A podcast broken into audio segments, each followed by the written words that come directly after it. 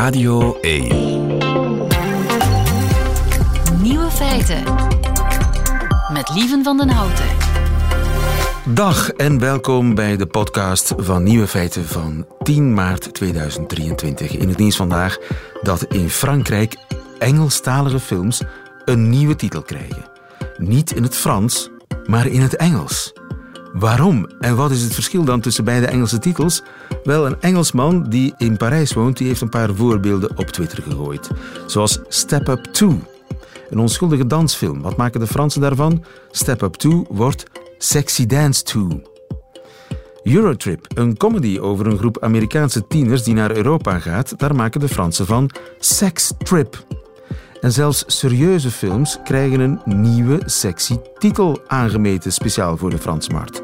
A Short History of Decay bijvoorbeeld, een dramacomedie over een gefaalde schrijver die zijn dementerende moeder in Florida bezoekt nadat zijn vriendin het heeft uitgemaakt. Hoe kan je zoiets aantrekkelijk maken voor een Frans publiek? Wel, je verandert de titel in Sex Therapy.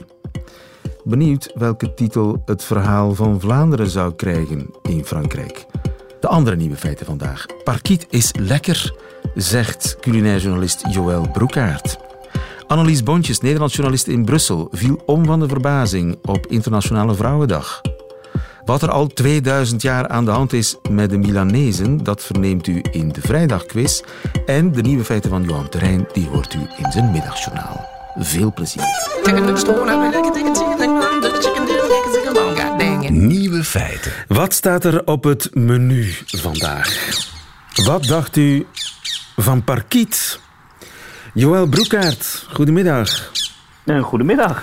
Joël, jij uh, bent culinair journalist en jij lust alles graag parkiet. Nou, ik ben erachter gekomen dat dat bijzonder lekker is om te eten, ja. Oké, okay, en, en uh, waar vind je die parkieten?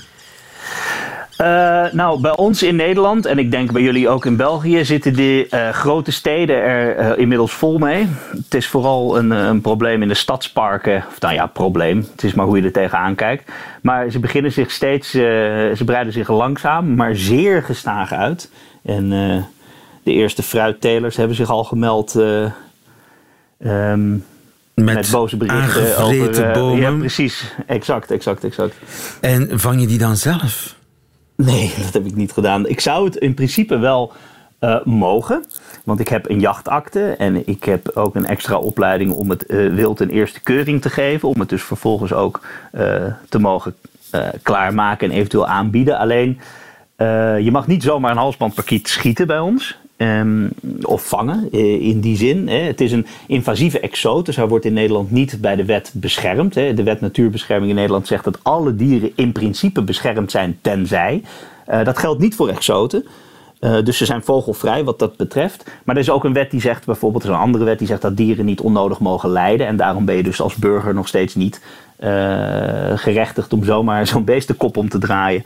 Maar er, zijn enige er is in ieder geval in de provincie Utrecht bij ons wel een opdracht gegeven tot het uh, beheren met het geweer. Dus daar mogen ze geschoten worden door jagers.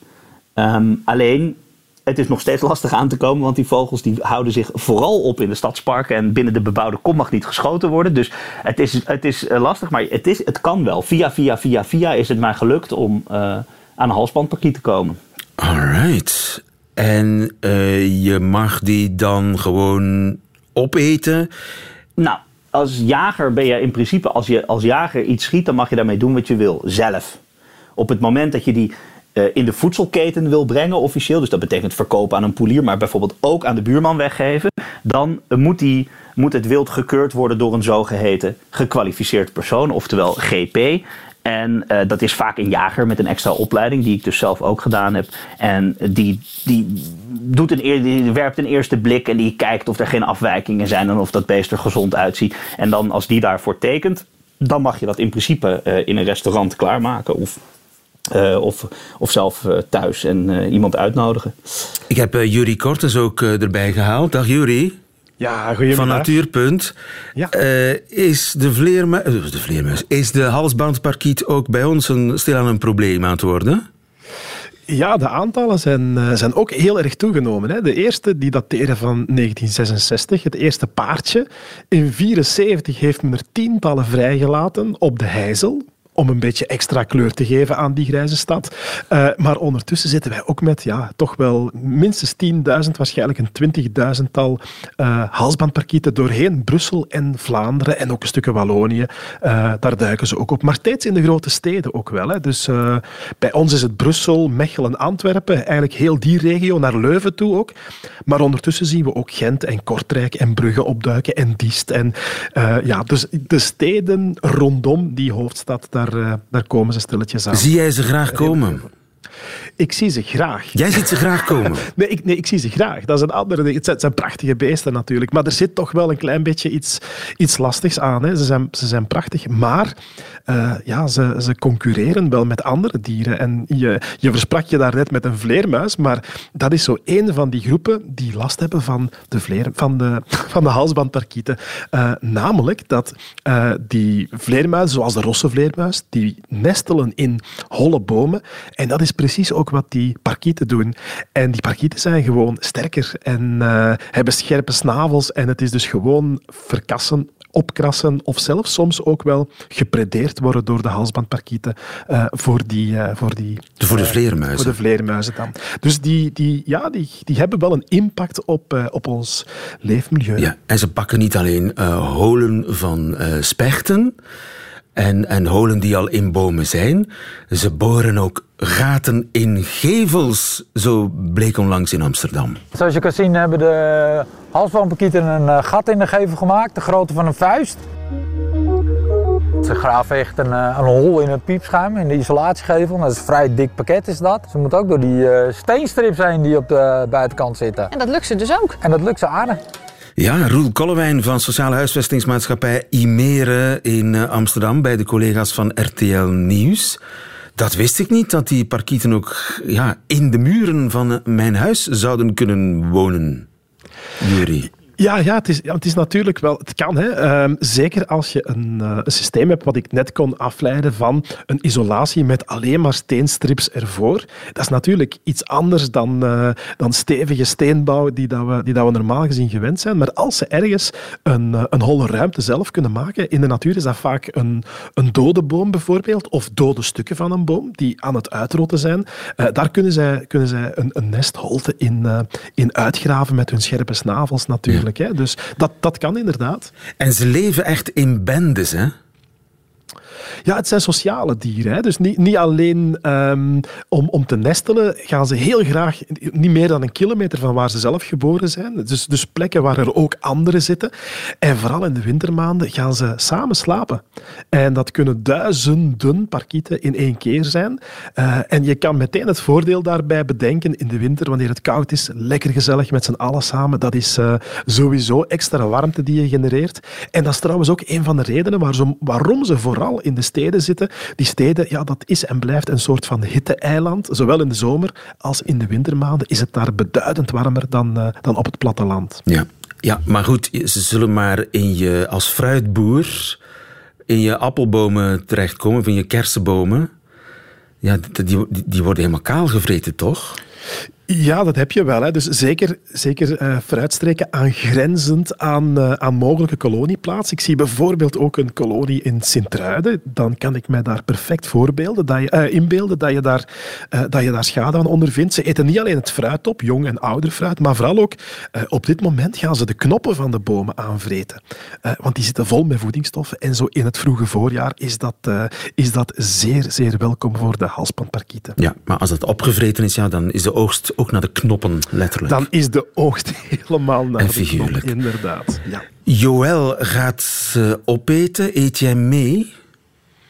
Goh, ik, ik eet eigenlijk zo goed als geen vlees, dus dat, uh, dat denk ik niet. Diplomatisch geantwoord. Uh, dat is diplomatisch, hè. ja, ja. Maar ik, ik kan mij ergens wel inbeelden dat op uh, bepaalde locaties, waar dat je zegt van hier zijn er nog niet veel, dat je daar aan een bestrijding doet. Maar je hoeft daarom niet voor te schieten. Er zijn voorbeelden. In Gent heeft men een, een tijdje geprobeerd met vangkooien, ehm, met, een, met, met een lokvogel in, met een parkiet daarin. En ze zijn sociaal, dus ze komen daar naartoe.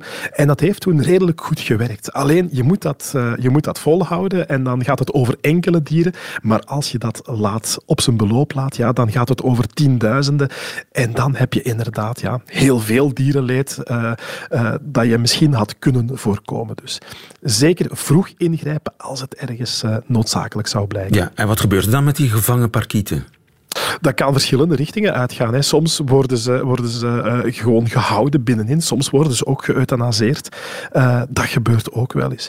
Maar ze waren, ze waren heel populair in de jaren 80, werden er meer dan 400.000 per jaar naar ons getransporteerd hè, om die in, uh, in kooien te ja. houden. Dus, ja, die Als siervogel, het is een prachtige exotische vogel. Ja, maar ja, of die in, nu in een park en in de, in de gewone Vlaamse natuur thuis hoort, dat is natuurlijk een andere vraag. Jaagt daar concurrenten weg, vleermuizen weg, vreten heel fruitbomen kaal. Mag ik ze vangen en opeten? Mag dat eigenlijk, Jury?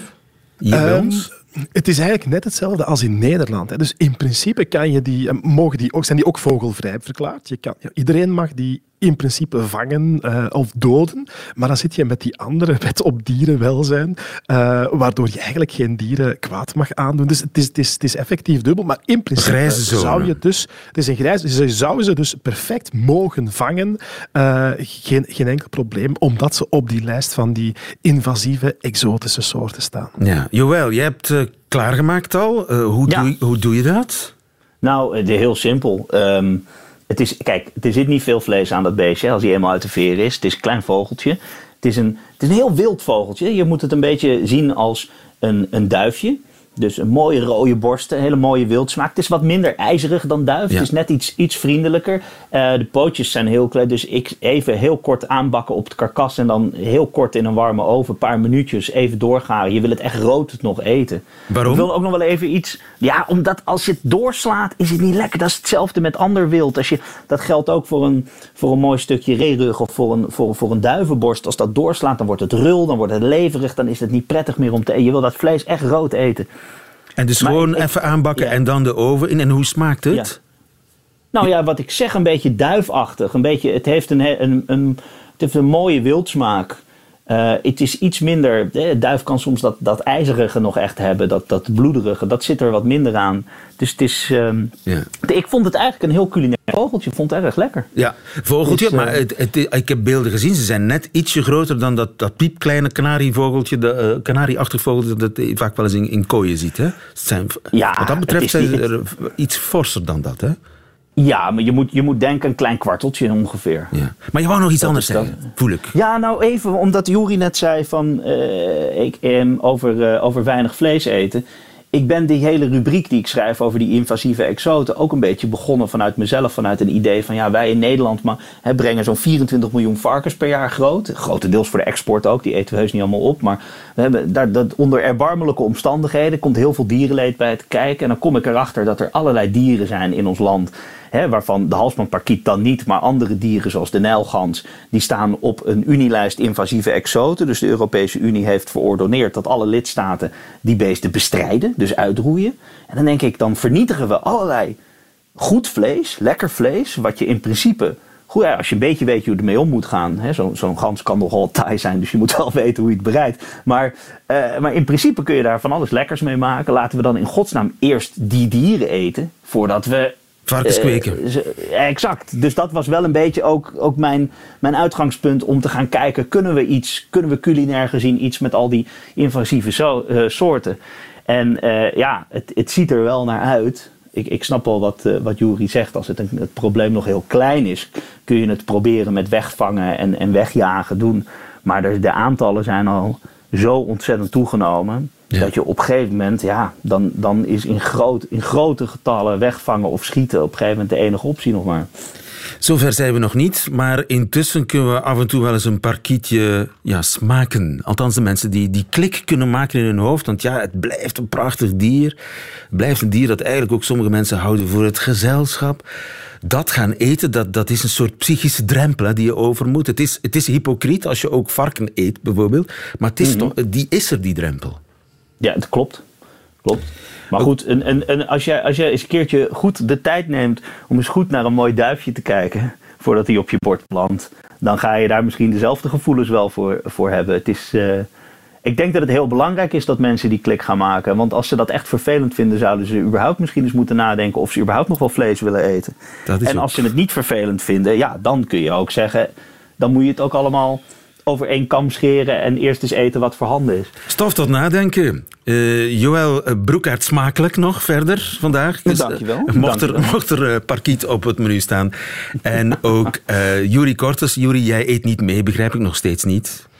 Nee, nee, niet meteen. Maar, maar je kan bijvoorbeeld ook naar Londen om eekhoorns te eten. Hè. De grijze eekhoorn wordt daar ook aangeboden als invasieve exoot. En, Juist. eh, en dus kan je daar ook die op je bord krijgen. Hetzelfde verhaal eigenlijk. Juri Kortes en Joël Broekaert, dankjewel. Goedemiddag.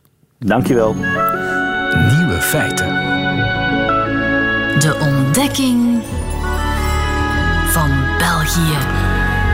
Door Annelies Bontjes. eh goedemiddag. We waren op zoek naar de voornaam van de wielergod, wielerbaas Lefevre. En het is inderdaad Patrick. Pa- Patrick. Patrick. Patrick, het is Torhout, hè, Patrick. Eh, want daar wil jij eh, het over hebben. Hoe, Ja. hoezo? Jij wil het even... Ik schets even kort voor wie nu pas het, het programma ontdekt. Op vrijdag kom je altijd vertellen als Nederlandse journaliste in Brussel... Ja. wat er jou is opgevallen de voorbije week in Ja. ons land. Je bent correspondente voor Trouw, het Nederlandse dagblad. U woont in Brussel. En je wil iets vertellen over Patrick Lefevre. Ja, ja, maar daar moeten we wel een klein bruggetje maken. Oké, dat maken we. Nou, ik, deze week wat mij opviel was eh, dat er in België toch wel een eigenaardige manier is om Internationale Vrouwendag te vieren. Vrouwendag was Ja, eergisteren, geloof ik, hè? klopt. Ja. Ja. En eh, ja, jullie vlogen nogal uit de bocht op verschillende Oei. terreinen. Ja, moet daar toch even iets van zeggen. Jij, jij, jij moet er, jij wil ons eh, flink eh, terechtwijzen. Ja, Wat was er allemaal mis? Nou, het begon natuurlijk met een nieuwsbericht van de VRT. Misschien heb je dat ook wel gezien. Ja, Die hadden voor, gênant, ja. ja. speciaal voor Internationale Vrouwendag hadden ze vier bekende mannen gevraagd welke vrouwen hen inspireerden. Nou, En dan stond er een foto van die vier mannen ja, op de website. ook nog. Ja, nou, dat is, ja, vind ik niet. Leuk toch, voor Vrouwendag? Nee? Ja, heel creatief. Ehm, nou, er was veel kritiek op gekomen en toen werd de afbeelding eh, aangepast naar een afbeelding van die vier vrouwen. Maar het gaat natuurlijk niet om die was opgelost. En het gaat niet om die afbeelding. Het gaat natuurlijk om de insteek van zo'n artikel. En, eh, maar toen was er gelukkig ook een commentaar en uitleg Zo bij. natuurlijk. Eh, Wat is daar zo natuurlijk fout aan, aan de insteek van dat het is artikel? toch raar dat je op Internationale Vrouwendag vier mannen aan het woord laat? Of dat vind Over jij ook? inspirerende vrouwen? Ja, dus de vrouw is alleen maar bedoeld als inspiratiebron en als muze, als vermaak, als eh, handtasje. Ja, noem het hoe je wil. Bloempot. Ja, Inspirerende ja, bloempotten. sorry hoor, maar ja. En dan eerst de mannen en dan... Nee, laten we dan toch maar En laten we dan een fotootje erbij doen. Ja, nee. En dan, oké, en dan werd er wel commentaar gelukkig bij gegeven. En dat was dat het, dat vond ik ook eigenlijk shocking, dat het een weloverwogen beslissing was om op Internationale Vrouwendag alleen mannen aan het woord te laten. Maar dat er bepaalde gevoeligheden misschien waren onderschat. Nou ja. Ik, ik hoop dat, dat ze volgend jaar ook met iets anders komen. En op zich, nou ja, de uitleg was ook dat ze op meerdere fronten dingen deden met Internationale Vrouwendag en zo. Maar ja, dus dit, met dit stuk sla je toch wel echt volledig de plank mis, vond ik. Ja, en dus mocht hetzelfde gebeuren in Nederland, mocht, ja, want de mensen Ja, nou- zich, dan, dan zou dat, dat artikel zou gewoon geskipt worden, Nou, worden. dan zou er toch wel meer aandacht voor zijn. Want dat, ik, dat vond ik dus wel opvallend. Dat bijvoorbeeld in de kranten en zo, dat daar verder niet echt heel veel Schouder aandacht aan ophalend, besteed. een beetje glimlachend, zo van ach, ach. Ja. Nou ja, ehm, waar er wel een beetje volgens, waar ze het volgens mij wel hadden begrepen, was bij de afspraak. Want daar, eh, dat keek ik s'avonds. En eh, nou, daar waren ze toen toch wel heel voorzichtig. Toen eh, zei de presentator ook aan het begin van, nou, we hebben in goed overleg met z'n allen afgesproken dat er toch ook één man hier aan tafel zit vanavond. Nou, ik denk dat dat wel een referentie was naar de ophef over dat VRT-artikel, maar dat weet ik niet zeker. Maar ja, ja, ik, Dat was dan de genaamde Patrick Lefevre. klopt. Ja, ja, ja. Maar, Die, eh, en die, en, maar de vrouwen in, in, die daar zaten, Ja. daar, daar werden toch ook niet alleen maar zachte quotes van verwacht. Nee, het onderwerp werd besproken door eh, Els van Doesburg. eh, Wie is van- dat ook alweer? Ze is van de NVA en Schepen in, in Antwerpen. En ze hadden nou, iemand uitgenodigd van het een expertisecentrum voor gender en, ehm, en feminisme, geloof ik, of gelijkwaardigheid. Ehm, wat sowieso ook al een interessante keuze was. Maar toen begon die Els van Doesburg en toen zei ze dit. Ik vind het vooral jammer dat het eigenlijk geen dag om te vieren is. Om te vieren dat, uh, dat de, emancipatie van de vrouw, van de westerse vrouw, eigenlijk voltooid is. En dat we stilstaan bij hoe ver we gekomen zijn. Kijk, u mag niks bijvoorbeeld in dit land dat ik ook niet mag. Wij mogen exact dezelfde dingen. En wij zijn wettelijk uh, perfect gelijken van elkaar. En de rest, dat doe ik zelf wel. Els van Doesburg in de afspraak. Het feminisme is klaar. Die ging er met gestrekt been in, inderdaad.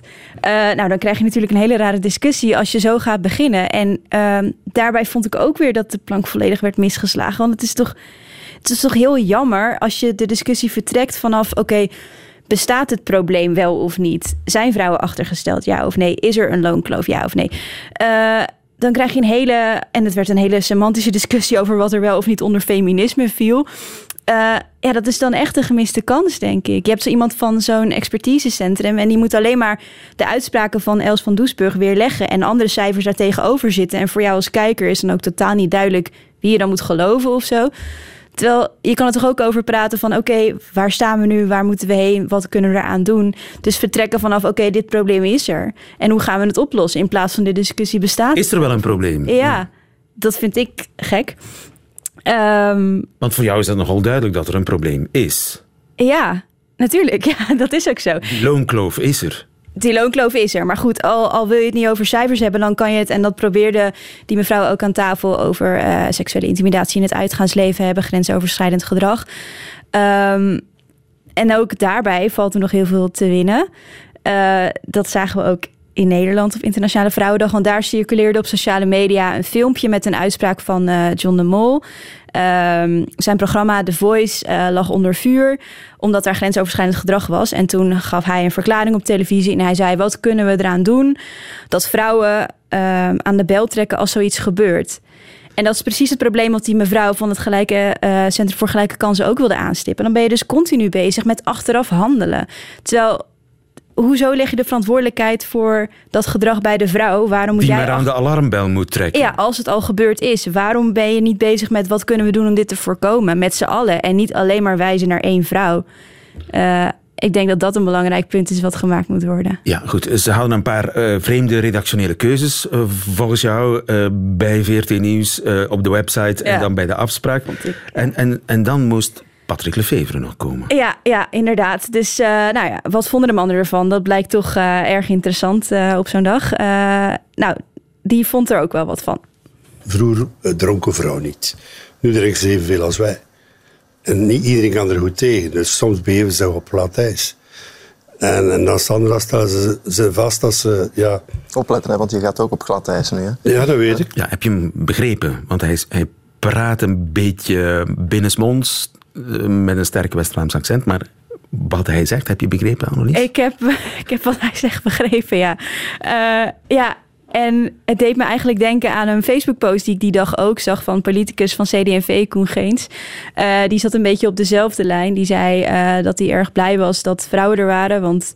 Uh, ja, hij, hij, complimenteerde vrouwen uitgebreid. Die hè, zijn toch? gezellig, ja. En hij wilde ook wel zo. Hij zei in die Facebook-post ook dat hij soms wel wilde dat hij soms een vrouw was. Want dan kon hij op feestjes keuvelen en giechelen. In plaats van over politiek en voetbal praten. En boeken. Ja, ja even serieus. Het was goed bedoeld, toch? Ja, ja, oké. Okay. Ja, ja. Nou ja, ik vond het meest shocking nog dat onder die post allemaal vrouwen reageerden met dankjewel voor de ode. Wat een prachtige ode. Eh, bedankt. En dan denk ik dat er nogal iets te halen valt. Als je... dan, is er, dan blijkt toch wel weer dat het een, andere, een ander land is, België. Ja, België is een ander land. Laten we het daar maar op houden. Daar gaan we het op houden. En dat zal ook blijken bij het volgende onderdeel.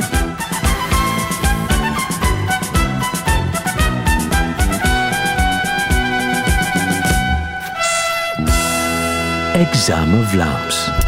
We houden hem kort, want ik kijk op de klok en het programma loop, gaat met rassenschreden vooruit. Wat betekent dat zal het zijn? Dat zal, dat zal het zijn. Het is een vraag. Dat zal het zijn? Uh, is, dat, dat, is dat alles? Of zo? Oké, okay. ja? heel goed. In winkelcontext. Ja. Is, dat zal het zijn? Ja. Dat is alles? Hè? Als je bestellingen. Oké. Okay. Het zal wel zijn. Ja, dat is alles.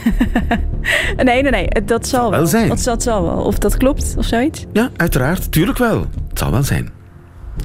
En dan heb je... Het zal wel zijn. Dus er is een Eh, verschil tussen het zal wel zijn en het zal wel zijn. we moeten het nog maar zien of zo, of het eh, gebeurt. Eigenlijk, eigenlijk, dus het zal wel zijn is eigenlijk tuurlijk wel en het zal wel zijn is eigenlijk tuurlijk niet. Het zal wel zijn. Dat zal wel. Als je de klemtoon anders legt. Ja? Oké, dat is goed. Maar eigenlijk fantastisch gespeeld vandaag. Dankjewel. Gefeliciteerd. Merci. Nieuwe feiten. Vrijdagquiz. Ja, het meest bloederige moment van de week in Nieuwe Feiten. De Nieuwe Feiten Vrijdagquiz. Goedemiddag, Gilles Wijkmans. Hallo. Gilles, jij hebt weer een eh, quiz samengesteld eh, die niet van de poes is. Kom toujours. Eh, Kom toujours, we spelen voor 25 euro. Meer bepaald een boekenbon van 25 euro. Eh, verzilveren bij de onafhankelijke boekhandelaar aangesloten bij Confituur. En we spelen met Peter. Goedemiddag, Peter. Goedemiddag, lieve. Goedemiddag. Peter, wat, wat, wat was je aan het doen, Peter? Ik ben nog altijd eh, het eten voor vanavond aan het voorbereiden. Nog altijd, dat is om 6 uur vanmorgen begonnen. Dat eten voor vanavond klaarmaken, Peter. Ik ben trots op jou. Nee, maar eh, ook daarnet, toen Gilles mij al vriendelijk belde, was ik daar ook al mee bezig. Oké, goed. En wat, wat staat er op het menu? Het wordt eh, een simpele spaghetti. Ehm Oké, er dat komen is Oh. vrienden eten en we gaan naar eh, de Rome. En dus moeten we zien dat het allemaal zo efficiënt mogelijk verloopt, dat we niet onder tijdsdruk komen. in Italiaanse sfeer. Je speelt tegen Hugo. Goedemiddag, Hugo. Hallo, Hugo uit Loreningen. Waar was jij mee Ja. bezig? ik was een boterhammetje met zeewiersla aan het eten. Zeewiersla. Wauw, nog Ja, nooit gehoord. Bij gebrek aan parkieten. Oké, zeewiersla. Le- Lekker, Hugo? Heel lekker. Absoluut. Ik ga jullie kennis testen van vier nieuwe feiten. Ik begin bij Peter, die zich het eerst heeft gemeld. Zolang hij goed antwoordt, blijft hij aan de beurt. Bij een fout antwoord gaat de beurt naar Hugo. En wie het laatste nieuwe feit goed kent, die wint deze quiz. We gaan eraan beginnen. Peter, na 2000 jaar blijkt er iets aan de hand met de lichaamsbouw van de Milanezen. Dat is al 2000 jaar aan de gang. Dat rare kenmerk van de Milanezen. Wat blijkt nu? A. Hun nek blijkt meer dan een centimeter dikker dan die van hun landgenoten. B. De Milanezen zijn al duizenden jaren even groot gebleven. C. Milanezen hebben 25% meer kans op een derde tepel dan gemiddeld. Peter, wat is er aan de hand met de Milanezen al 2000 jaar? Eh, B, dat ze 2000 jaar nog niet gegroeid zijn. Dat is helemaal goed. Wauw, Gilles. ja, inderdaad. Eh, wat die Milanese onderzoekers gedaan hebben, is 549 skeletten uit de stad geanalyseerd. De oudste skeletten kwamen van de eerste eeuw na Christus en de andere, de laatste skeletten, die kwamen van de 20ste eeuw. En dan bleken dat de vrouwen gemiddeld 157,8 centimeter groot waren en mannen 168 eh, en een halve centimeter ongeacht de periode. Dus dat is wel opvallend, want bijvoorbeeld in België, een, laten we zeggen, een gemiddelde middeleeuwse man was bij ons ongeveer 173 centimeter groot en tegenwoordig is dat 180 centimeter groot. Dus het toont- ja, de onderzoekers zeggen dat de levensomstandigheden in Milaan zo stabiel zijn gebleven de afgelopen 2000 jaar dat ze Even groot, even groot zijn gebleven. En dat is raar.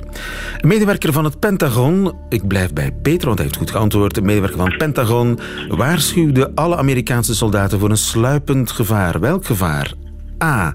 Te scherpe vorken op Amerikaanse legerbasis. B. Door een productiefout werden losse flodders in plaats van echte kogels geleverd aan soldaten. C. Een overdosis maanzaadbrood. Welk gevaar loert er om de hoek? Bij Amerikaanse soldaten. Maanzaadbrood. Maanzaadbrood. Dat is helemaal goed. Helemaal goed. Maan, Maanzaad komt van de papaver-familie natuurlijk. Uh, dezelfde familie die ons ook opium brengt. En... er high van worden? Ah, wel, nee. Je kan niet high worden van maanzaad. Want maanzaad zelf bevat geen opiaten, maar de zaaddoos waarin de zaden zitten wanneer ze nog aan, aan de plant vasthangen, daar zit een melkachtige substantie in die wel opiaten bevat. En het kan gebeuren dat die substantie in contact komt met het zaad en zo het zaad besmet. Alleen is, is dat niet in grote hoeveelheden of niet genoeg om daar high van te worden, maar wel om positief te testen op een drugstest. En dat was het probleem voor het Pentagon. Vraag 3. Waar moet de Britse bioloog en presentator David Attenborough, 96 intussen, bij het filmen van zijn natuurdocumentaires ver van weg blijven? A. Van kuikens. B. Van anti-rimpelcrème. C. Haardrogers. Peter. Uh, kijk eens. Dat is helemaal goed. Schitterend, schitterend. Oh. Hugo, sorry hoor. Uh, dat wordt... Uh, dat wordt een dubbele dosis uh, zeewiersla straks. Want, ja, oké. Want Peter uh, is jou aan het verpletteren. Ja, dus er moet natuurlijk een vogelgrieppandemie. En David Attenborough is op dit moment bezig met een serie over de Britse eilanden. En hij mag van de crew niet in contact komen met de kuikens van de zeevogels. In, uit schrik dat hij vogelgriep zou krijgen. Die kans is trouwens zeer, zeer, zeer, zeer klein. Maar je weet nooit. Maar je weet nooit. Vraag 4. Duitsland stuurt tanks naar Oekraïne. De Verenigde Staten raketsystemen. Wat stuurt Letland? A. Katapulten. B. Croque-monsieur-machines. C. In beslag genomen auto's van dronken chauffeurs. Peter. De in beslag genomen auto's. Dat is helemaal goed. Ja. Het is gebeurd, hè. Het is toch wel gebeurd, zeker. Vier op een rij, Peter, gefeliciteerd. Uh, wat doen die auto's van dronken chauffeurs in Oekraïne. Letland heeft een probleem met dronken chauffeurs, 3500 per jaar. En nu is er dus een wet dat wanneer je drie keer boven de limiet zit, je auto naar Oekraïne gaat. Een van de auto's die trouwens nu onderweg is naar Oekraïne, daar was een sticker van een Russische vlag op geplakt. Dus uh, die komt goed terecht. Hugo, sorry, uh, jij haalde het niet. Je kreeg geen enkele kans zelfs om je te bewijzen van de ijzersterke Peter. Hugo van Erk, dankjewel uh, voor het spelen. Peter, Peter, weet je al welk boek je gaat kopen? Nee, maar uh, een kookboek met een combinatie van uh, en zeewiersalade, dat lijkt me wel, uh, wel iets interessants. Okay, maar ik zal er nog eens over nadenken. Een recept met zeewiersalade moet zeker te vinden zijn in een kookboek. Gefeliciteerd nogmaals en volgende week is er weer een vrijdagquiz. Nieuwe feiten. Dat waren ze, de nieuwe feiten van 10 maart 2023. Alleen nog die van Johan Terrein. Die krijgt u nu in zijn middagjournaal. Nieuwe feiten. Middagjournaal.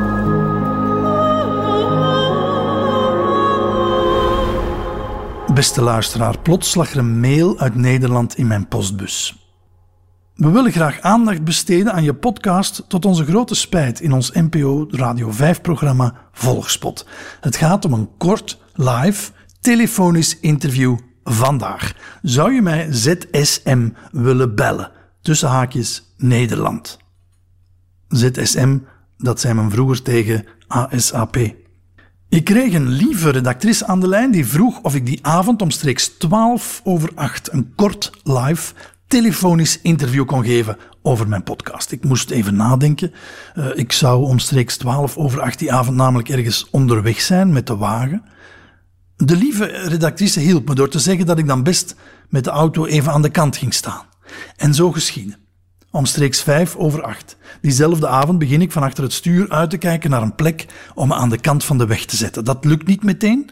En daardoor krijg ik omstreeks 7 over 8 toch een ferme druk in mijn onderbuik ter hoogte van de blaas. Het is zeker 10 over 8 wanneer ik er uiteindelijk in slaag mijn auto aan de kant te zetten. Ik bedenk me dat ik die twee overblijvende minuten best nog gebruik om mijn blaas even te ledigen. Ik stap uit en kijk rond. De dichtst bijzijnde boom is 100 meter verder. Ik haast me. Maar net wanneer alles lekker begint te lopen, rinkelt mijn telefoon in mijn broekzak. Ik weet precies wie het is. Het is het Nederlandse NPO Radio 5-programma Volgspot dat mij kort live via deze telefoon in mijn broekzak in uitzending wil brengen. Sneller plassen lukt niet. Gelukkig blijft de telefoon trillen. En wanneer ik uiteindelijk opneem, zegt die lieve redactrice dat ze al een beetje in paniek was. Ik blijf uitermate kalm en zeg: Oh, dat was nergens voor nodig. Wat is het geluid op de achtergrond? Kan je in je wagen gaan zitten? vraagt de lieve redactrice. Ik kijk. Die staat 100 meter terug. Hoeveel tijd heb ik nog, vraag ik? 15 seconden, zo bleek. Wanneer de presentator zijn aankondiging maakt, glijd ik compleet buiten adem op de passagierszetel. Ik vraag me af of ik nog een woord ga kunnen uitbrengen en probeer mijn adem onder controle te krijgen. Johan Terrein, zegt de presentator, maakte daarmee de best beluisterde podcast ooit in Vlaanderen. Mijn al ontregelde adem stokt nu volledig. Hoe moet ik dat nu weer rechtzetten? Maar de presentator vertelt rustig door en vat de eerste aflevering alvast gevat samen. En wanneer de eerste vraag komt, zijn we alweer een minuut verder. En lijkt iets wat al lang gepasseerd is rechtzetten onmogelijk. Twee minuten later leg ik in.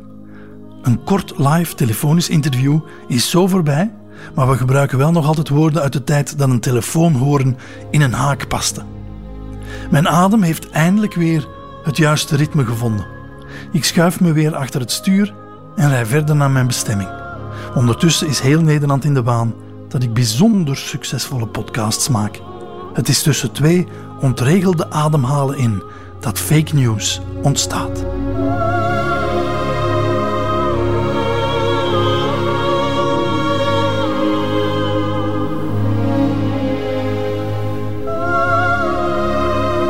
Het Middagjournaal en van Johan Terrein. Einde van deze podcast. Hoort u liever de volledige uitzending van Nieuwe Feiten. Met de muziek erbij. Dat kan natuurlijk live elke werkdag tussen 12 en 1 op Radio 1. Of on demand via... Oh, geen probleem. Of on demand via de Radio 1 app of website. Tot een volgende keer.